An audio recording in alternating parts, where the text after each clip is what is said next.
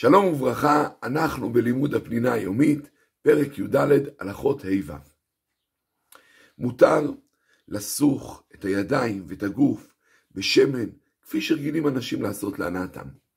מותר גם לאישה לסוך את גופה ואפילו את שערה בשמן מבוסם, וזה לא דומה לאיסור ביסום בגדים, ששם אסור חכמים לבשם את הבגדים, כי זה מוליד ריח.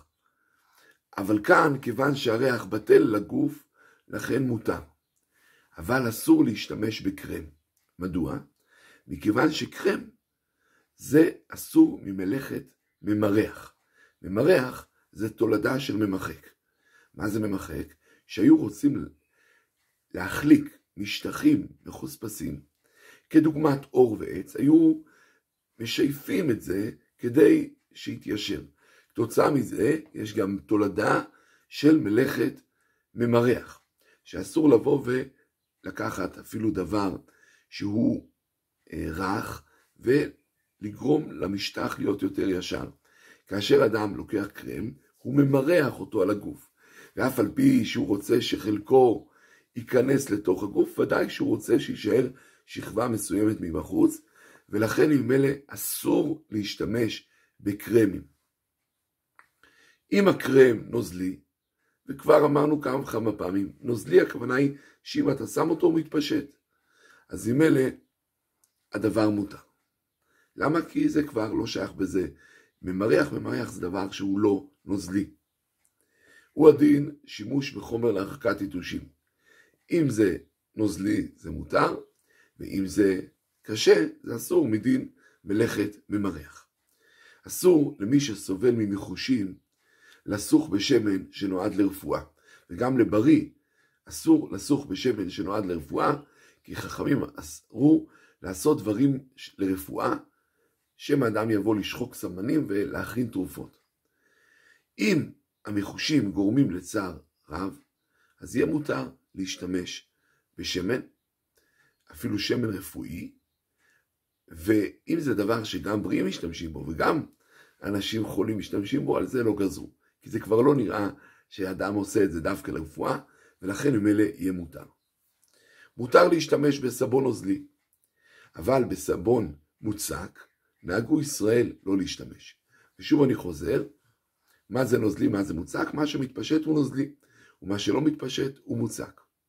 ואגב, פה, אם יש ספק, אפשר יהיה להקל למה. כי באמת, גם סבון מוצק, מעיקר הדין, רוב הפוסקים אומרים שהדבר מותר. אבל נהגו ישראל להחמיר. למה נהגו ישראל להחמיר?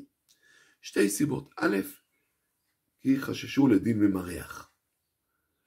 למרות שאפשר כאן לעשות חילוקים, ובעצם להגיד כאן, זה לא מעניין אותי שהמשטח יהיה חלק. אני רוצה את זה על גופי, זה לא קשור למשטח. ודבר שני, שנהגו להחמיר כי זה נראה כמו מוליד. אבל, כמו שאמרנו, מעיקר הדין הדבר מותר.